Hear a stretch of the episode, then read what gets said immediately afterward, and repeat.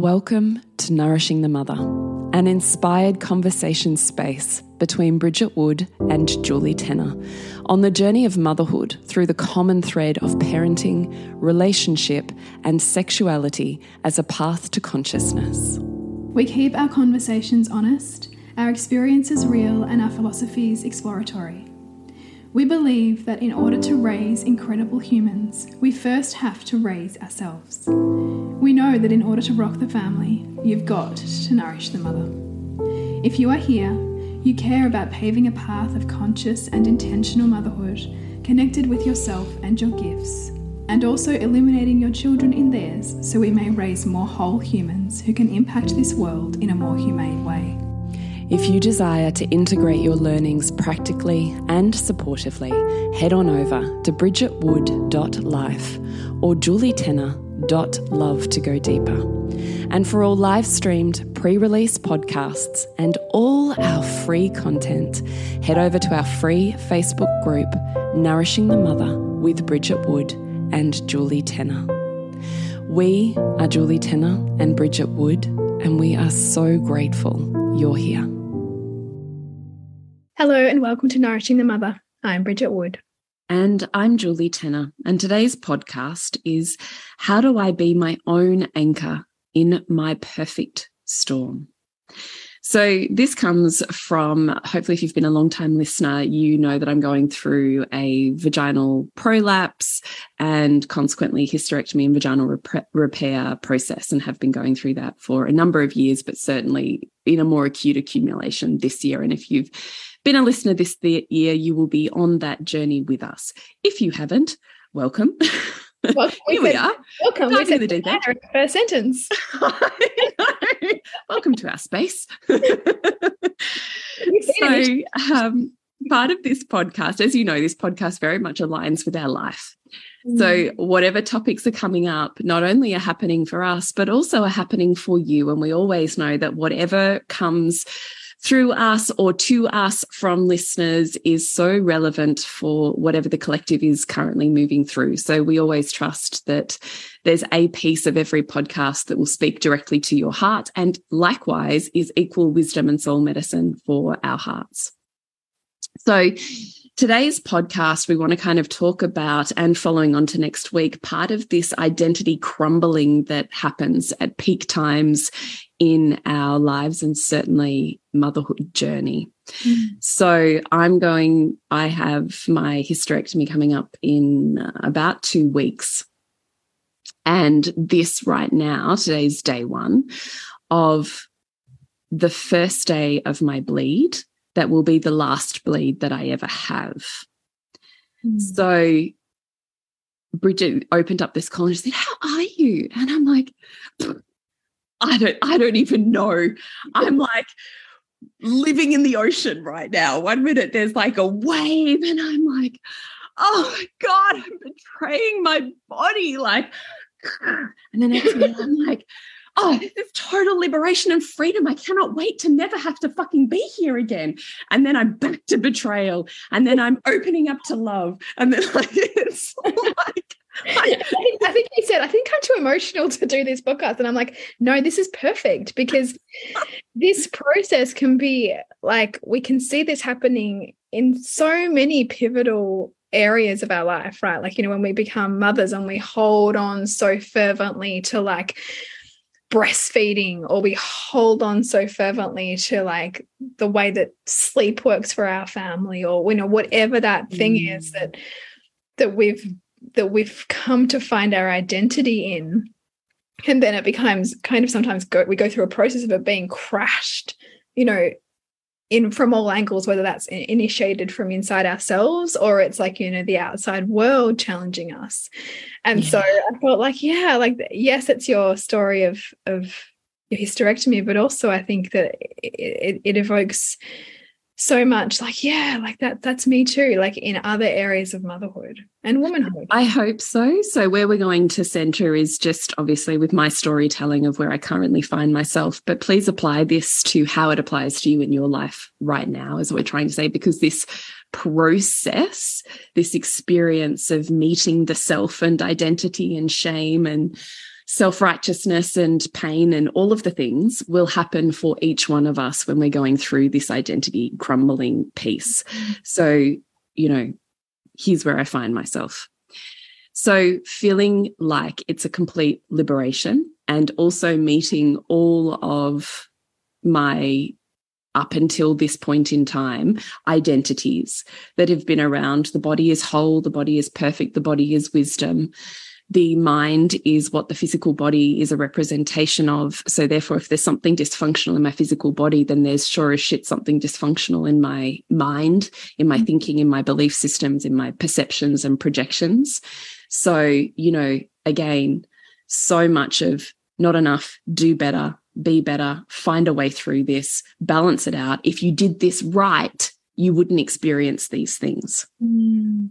Right. So this really self righteous view of alternative and natural medicines. And certainly in the world of alternative therapies is often where we can find ourselves. Now, I say that as a practitioner. And I say that as just a human who who loves, adores, and adopts that way of living and belonging to the world. Mm. So never in my life did I think I would be here going, actually, what is the greatest liberation for me is to hand my body over mm. unconsciously to someone else that I'm completely trusting to put their hands and tools inside of my body mm. and remove it, pieces of it, and patch other pieces of it back together. I never thought I would be that person. Mm. So it's such a journey. Fuck me, it's a journey of identity crumbling and um, opening and humility and profound love, like profound love, loving humans and women and people in ways that that I have not opened up to as yet by virtue of of the projections and perceptions that my previous identity has held. Mm. So whenever we open identity, we actually open more love because we're able to love wider and people see that and so they love us back. So on this journey, I have you know, really opened myself up to everybody's stories, right? I've shared it through a very public podcast that has nearly a million downloads. Mm. I've put it out on social media. I've, you know, gone through the all of the avenues that I can to receive as many stories as I can. So consequently, I've heard a lot. I've heard a lot of stories. So, which has been incredibly liberating because I have heard stories of hysterectomy and vaginal repair that are my worst nightmare. Mm. And I have heard stories of hysterectomy and vaginal repair that are someone's best life decision they ever made, the most liberating, empowering moment of their life. Mm. So it has been so wonderful to just open myself up continuously as a practice as I listen to each one of these stories to love this woman, to love her story, to not jump into out of the story and into judging it and holding it and dissecting it as a way to to emotionally remove myself and mentally i don't know hook myself in some way. Yeah.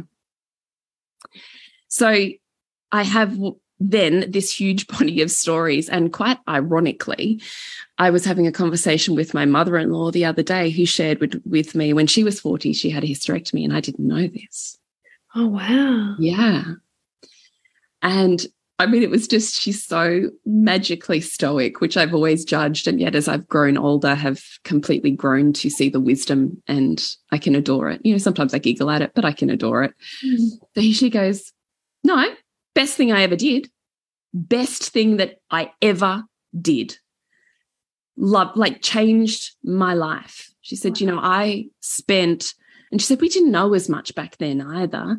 But she said, I was hideously sick with my period. I'd be in bed for days, migraines and suffering. I had endometriosis. I had multiple cysts on my ovaries, like a hideous suffering every single month. And then someone said to me, You don't have to suffer like that anymore. Do you want me hmm. to help you? I said, Yes, I do. And she had this hysterectomy and she never again had a migraine, never again got sick, never again entered this quite debilitating experience of her life. So for her, best decision she ever made. The ultimate liberation. Like so handing ah. over her body. Yes. Yeah, unconscious yes. like what you talked through, right? Yes. Yes. was actually liberating and empowering. Yes. And she even she even recalled to me, she goes, Oh, you know, there was these women that would come up to me and say, Oh, but your womb, like you've just, aren't you sad? Like you've just lost like the piece of you that makes you a woman. And she was like, I turned around to them and she almost had like this kind of spish, spish kind of, you know, slap of the cheek kind of way tone in her voice. And she was like, ah, uh, no, because you wouldn't even know looking at me. I look exactly the same. I'm still a woman. I am a woman that looks exactly the same. You wouldn't know. So, mm. no, I don't feel like that at all. It's incredibly liberating. Please leave my space. was basically how she had. And I was just like, this is fantastic to listen to. So I've got this, right? So loads of support, loads of, okay, I can totally see the journey that you have been on I watch myself put forward first as an identity piece to protect myself.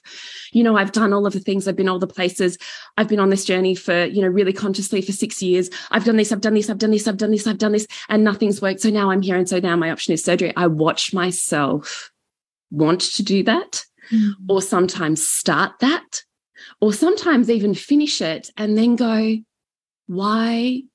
Why do you need to justify mm. your decision? Why do you need to put up front? You know, I'm, I'm making this choice, but only because I need you to know that I'm really empowered and I've done all of the things. And, and what? Yeah. You know, who, are you, who are you perceiving that judgment from that you haven't like done enough? Right, or, exactly. Or, or, or, this might be your, like, you know, what's wrong if this was your first choice? Right. This is exactly. So this is kind of painting the picture for exactly where I am right now. And so because I've witnessed that in myself, I've been really asking myself to to to focus on that piece of identity because the truth is you haven't done it all, Julie, because it all will never end. Yeah. There will always be someone who's seen this, someone whose therapy that worked, someone who knows this practitioner. So like there will always be that. Mm. So can I sit here and say I've done it all? No, I can't. So stop. Yeah. So I'm really like piece by piece as I'm noticing my protective strategies, trying just to unfurl them mm. a little bit further and liberate myself a little more by by balancing out the stories because the stories of you know alternative circles are very comfortable for me i can easily like teeth re return to that way right mm. i'm trying to work out how do i broaden my perspective and listen to other choices and liberations and experiences mm.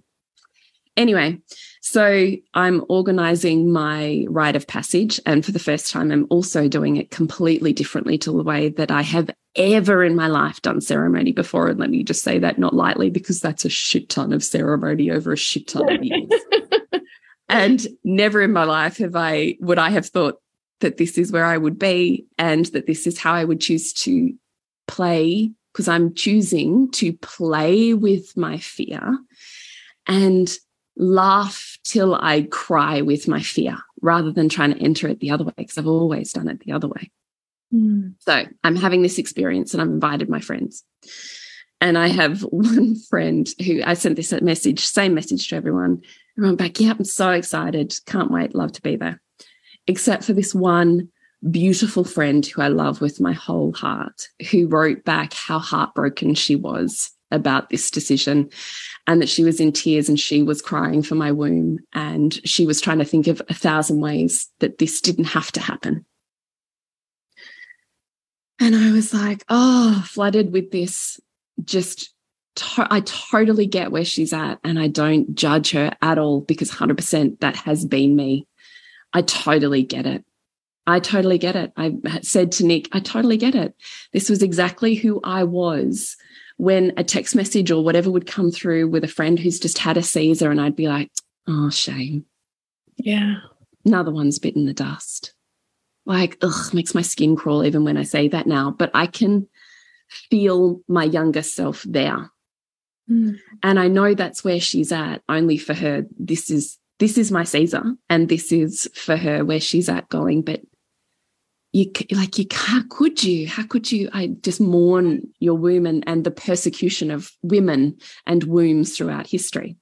Mm. so i said to this beautiful friend look i really want to have a conversation with you because i love you. I love you. I love you. I love you. I do not feel judged but i also can't have you at my circle if this is where you're at because this isn't what my rite of passage needs. It needs the energy of like celebration and reflection and like you know yeah. acceptance and and all of that behind you. Yeah yeah. So i was thinking today it's a lot like organizing a funeral like because i so see a rite of passage as a death. So it's an honoring of a death so that mm. there may be an opening for new life.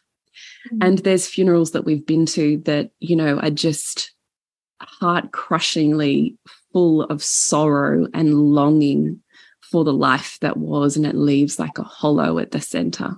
Mm. And there's funerals that I have gone to that are full of love and life and celebration and gratitude and appreciation for what was mm. and what hmm. has been and what will be. Mm. And that's the type of funeral that I'm creating for my womb. Hmm. So if you're at the other funeral, you just can't be at mine. yeah. So I met up with this beautiful friend and we talked it out and we talked it out. And um, anyway, so I don't need to go into that any further. Where I want to get to is where, where we where I'm trying to pull us round to, Bridget, is our podcast, which is noticing yourself in the shame stumble of identity crisis, because that's certainly where I see myself right now because this beautiful friend is holding up the most perfect mirror mm. for all of the belief systems and identities that I have been up until this point in time. Yeah. So when I'm talking to her, I'm talking to the me that was mm. 10 years ago, 20 years ago, one year ago right? So every time she's speaking to me, I'm having a conversation with myself. Which acts almost like a, you know, a challenger to say, like, are you sure? Like, are you sure you're ready to like walk, you know, carry yourself across this threshold that you can't come back from? Yeah. Mm. Yeah. So the way where we wanted to go was really if you find yourself here and you're making choices that you never thought you would, or choices that feel in opposition to who you've been up until this point, or choices that feel oppositional to the people around you and the circles that you run in, is just to notice when you're doing this stumble of, oh God, crushing in on the self, mm. past or future. Oh God, I can't believe I thought that way or saw life that way. Mm. Oh God, I'm not sure that that you know she's the person that does you know that and and can I love her like this this shame crumble. Yeah. So we just want you to be aware that that's something that can happen. Mm. And if it's loving your past self that you're struggling with, then the invitation is how is to open up and consider how did that past self really serve you? Mm. How did how was her belief systems and the path that that took you on total love for your mission and your purpose and your self discovery and like how is and was that such perfect love mm. without needing to hold on to it yeah like because this can be so common right like for us to almost like this idea of like throwing the baby out with the bathwater, right? Like once once we let go of an identity or once we see ourselves as having transitioned from something, there can be this sense of like discarding that past self, mm. but not seeing the beautiful perfection of how that orchestration of beliefs and meaning led to like you know this tapestry of interconnectedness to who you are now Yes. Brought in the relationship so meaningful to you, that allowed you to focus on the things that helped you develop mastery in what was meaningful to you.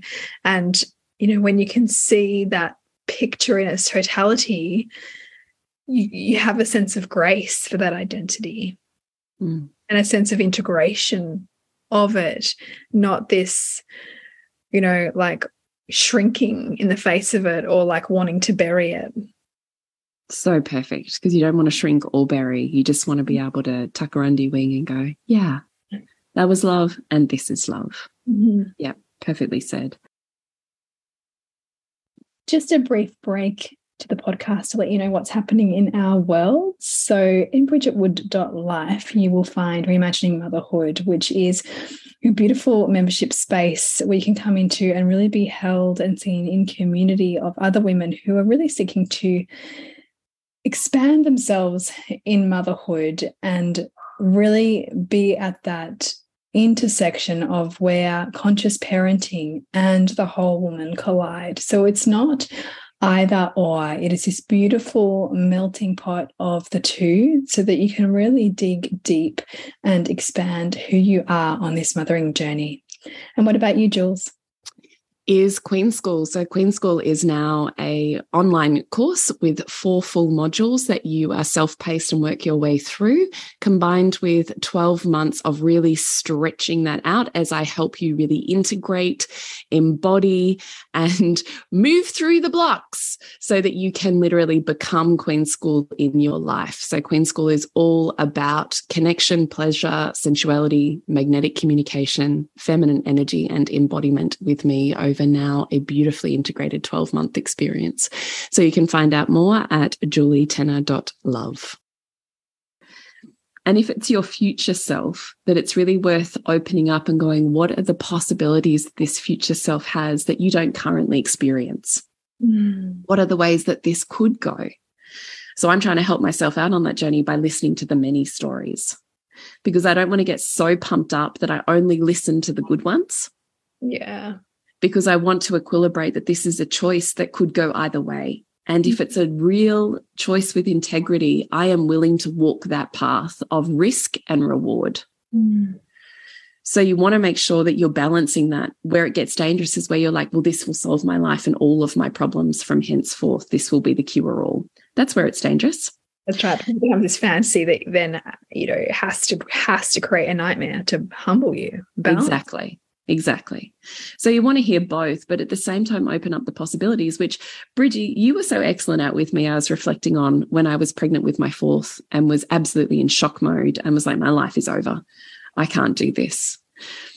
And you were like, but, you know, what about this? Yeah, but what if it grows your abundance? Yeah, but it could change and grow your life and change and grow here and change and grow. And you just constantly offered me just that stretch mm. beyond where my thinking was. Because you, because you, I mean, for you, I know because you had this really like hooked in family pattern, right, of poverty and like the fourth mm. child meaning poverty and the fourth child meaning like the end of your dreams or the end of a woman's yeah. dreams, right? Yes. Whereas I was like, I have so many examples of like amazing entrepreneurial women with four children. Like that was all that was coming into my head. And I was like, no, no, like I think this is going to be amazing. Yes. Yeah. So my point is here to do that. And if you can't do it for yourself, find a champion like a bestie mm. who can just help you go, oh, or like my mother-in-law, this is the best decision that ever happened for me. It changed my life in these ways. It grew my life in these ways. These things that I thought were not possible for me actually really are. Mm. So just to bring yourself out of that shame crumble, if that's where you find yourself on this identity kind of tightrope walking. Then the second part that we want to talk to you about is that in a dynamic where you're going through an identity shift, as we were just going to tap back into it, is 100% there will be someone around you, probably someone you love, who will take on the role of being your mirror for past self beliefs, identities, and almost like the last little, you know, dangling of the carrot you sure you're ready to let this go? Like it's the last challenge, right? Whenever we become someone new, there's always this last challenge. Mm. Or, and, or if you want to look at them as the challenger, the person who will always offer you the equilibration. Mm. And the degree to which you hold on to and attach to one way will be the degree and that it's right and only possibility will be the degree that the challenger brings challenge, right? yeah. yeah. So my mirror and challenger and my beautiful friend actually comes with a whole lot of big breasted heart hugging love. Mm. But that I think is also reflective of just enough sting but not so much that I need to fight or defend because I'm doing my self equilibrations. I equilibrate self or the world equilibrates you, right? So the degree of challenge is also representative of your degree of polarization or infatuation. Mm. But know that that person is purposeful, right? Like they're there to help you. Yeah. Yeah, and it's just such a beautiful reminder and a way to see that person playing that role as as someone that you can love. And even for them taking that, and even to the point where like you wouldn't want them to support you the way that you think you want. Yes. Right. Because, you know, even for you, like going into that conversation, I'm sure part of you really wanted her to turn around and and agree with you and support oh, you. Yeah, of course. Right.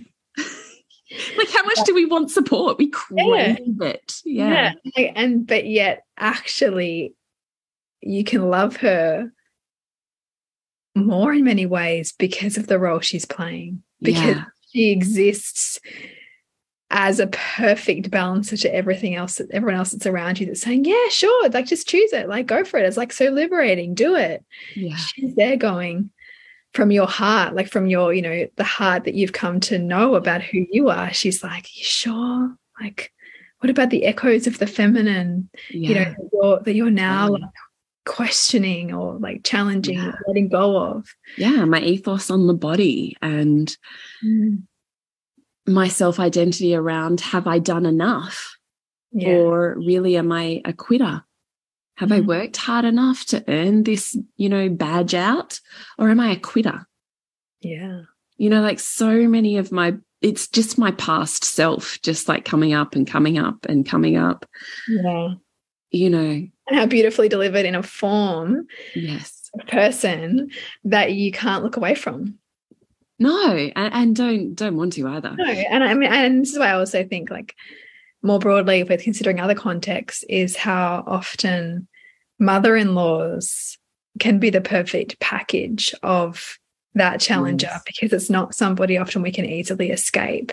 And it's somebody who we know has a powerful role to play. It's true. And leaves a powerful imprint.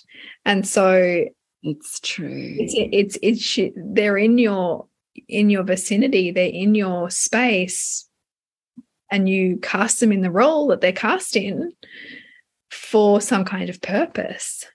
Yeah. Yeah. So we just really want you to see this person as a love. I would love you to see it as I'm having conversations with myself. Mm. So, how can I meet that with that same level of respect and softness mm. and love? How wide can I love? Because, you know, as Bridge and I were talking about before this podcast, this for me was a real invitation yet again into really how good are you at loving? Mm. Because you're not that good at loving if you go, I can only love you, and you are only lovable when. Yeah. You do this set of things and you play by this set of rules that are what I like. Mm. And when I don't like the set of rules and the way that you are that you play by, I no longer wish to love you. Mm. That's not no, love. And I'll withdraw that love and connection. Yes. Mm. And punish you for that. Mm. That's not love. So I'm always on this path of, of devotional love. I am always asking myself, I'm here to pray at the altar of love in this lifetime. So, yet again, how do I love more? How do I open again? How do I stretch this chest and sometimes feel like I'm cleaving it open to make space because there is space. Mm. It's only my self-protection and my identity that that wants to claw it closed and mm. sew it up and push you away. Yeah. So it is a little bit of a spirit ego battle. Mm. How do I love you and love this moment and hold myself that I can. That's why we called this podcast, How Do I Be My Own Anchor in My Own Perfect Storm? Because this challenger will offer you your perfect storm, mm perfectly individually tailored to exactly your wounds, exactly your values, exactly your past identities. It is your perfect storm. So here you go. Can you hold yourself in who you are with authenticity and integrity mm. at the same time as love for self and love for other. Like, can you do that? Mm. because that for me is the practice. If I can do that, I'm ready to walk through to my new identity. I'm ready to claim it.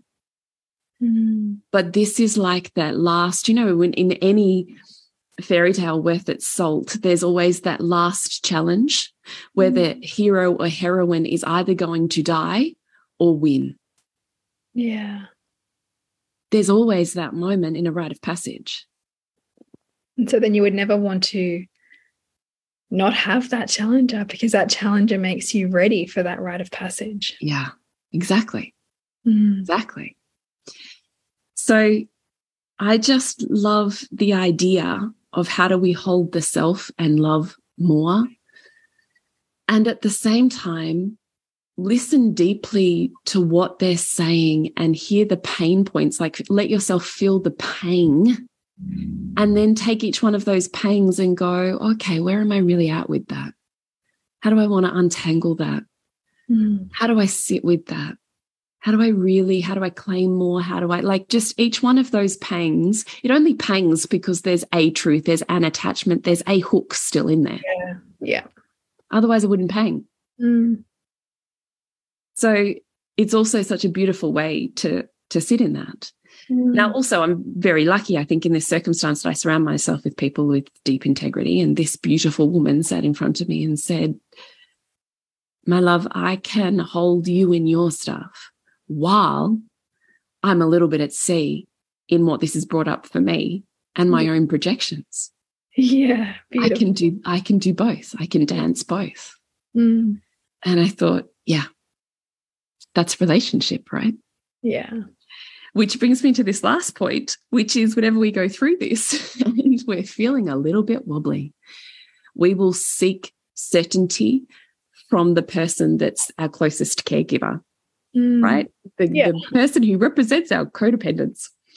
That for me is my husband. So, you know, I picked one of these threads apart that I've been pulling apart today, which is the betrayal of my own body. Is this a liberation or is this a betrayal? and hmm. how do I feel about betraying my physical body?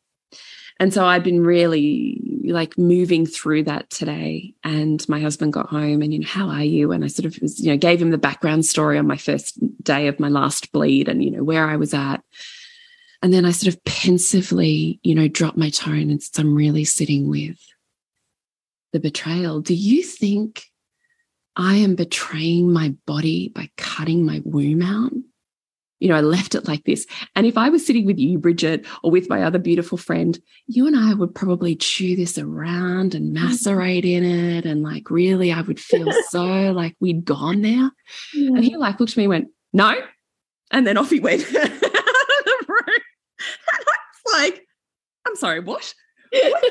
I just bared like you know the depths of my vulnerable heart and body with you, and you just said nah. I literally, and I sat there for a minute and I let it linger. And I'm like, huh, okay. Well, I was really hoping for something different there. And, you know, he definitely didn't deliver on that. And I'm going through, right, okay. We have different value systems. And I'm like, Backman, are you sure I'm not betraying my body? Like, are you really sure? He's Mm. like, yeah. I'm like, right. Okay. So, and it kind of, I felt dissatisfied. There's a little bit of, you know, saltiness from this conversation, which I thought would happen to so many of us when Yeah. we're in these vulnerable states, unless we're consciously aware of our projections, Mm. of our protective strategies, our personal ones, Yeah, and of our partner's values, that could cause a major rift. it could because it does that whole thing where like you don't see me, I can't be my whole self with you, I can't be vulnerable. Like I can think of so many times, like even like I remember um, a time when I was really like grieving not being able to have another baby. Like i was going through that secondary infertility thing and i was so emotional at one point seeing like my husband sorry seeing on facebook some yes yet another person had had another baby. And i was like really like sad about it. And my husband's like it's going to happen for us it's like not a big deal like it was just not not a big deal for him because he just had this certainty that's like that's going to happen don't stress whereas i'm like but is it really same thing like It's the same thing. like I don't know. I feel this gaping sense of loss right now. Yeah, exactly. And he was just like back to his whatever he was reading. yeah, Like, he's like, no, done deal. Yep. How's the certainty though? Right? Yeah. Like you got to admire it because it's totally, it's like totally the same. No, Yeah. very black. It's very clear. It's so masculine, black and white. No, but what what the feminine perceives that as as like rejection, as Mm. like not not being seen or valued or heard. Mm, You know, mm, and, and that can feel like we immediately then want to close up yeah, because like, I've tried to open the, you know, like the flower of my heart and soul and you've yes. Stamped on it. so true. so yeah so what we're leading you to um is like seeing this as like hey like well, how is this pushback actually you know a reflection of different values for example of us projecting our like thing that we're building up and having this story around and have an agenda and attachment to them having the same story Right. and then it's like bursting your bubble bursting your story you know kind of like pushing you back into yourself Yeah. Yeah. and you know that when you, you touch on this idea of like that, the, the truth of that like you know our codependencies how does that serve also as a as a tool for individuation so you're not losing yourself in him and his support because he's not giving you any support No. Because this is for you to journey on your own Right. it's not about him Right. it's about what he thinks about your body and whether Yeah. it's yours to Right. but here I am going, just take away a little bit of the pain and discomfort and just, you know, I'll just outsource some of that because if you tell me that I'm good, Hmm. you know, like just, yes, 100% feeling exactly what you're saying. Yeah. Yeah. I think yes, there's echoes of our inner child in that, right? Like of like Totally. that, like it'll be okay, sweetie. yeah. Like Yeah. it's okay. We're gonna do this together.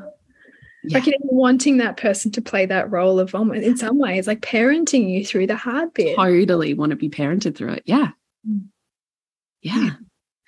So, you know, we really hope that this podcast perhaps just frames for you with some context that allows you to anchor in and ground into the experience that you're having. Because often when we understand it from a slightly wider lens, slightly bigger perspective that is both meaningful and purposeful, it can make it easier to journey the thing that feels hard. It can actually build your capacity and give you more certainty on a process when you can understand it as such.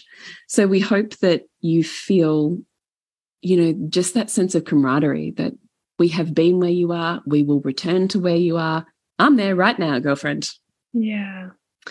and that it's okay to do this identity crisis thing at the same time as motherhood and life and mm-hmm. demand and like just being a human is hard Yeah. and that's okay and that you perhaps have some context to be able to move through that in a slightly more seamless way and i hope with stronger relationships and a greater capacity to love And I think too, with an identity crisis like this, that there's it, it's such a dance that you don't really get to like the full body yes, and that you're not necessarily meant to. There's parts of you that are going to have like one foot in this future self and one foot kind of where you've been, and like that that dance is is part of your rite of passage. It doesn't mean that it's a wrong. yeah totally.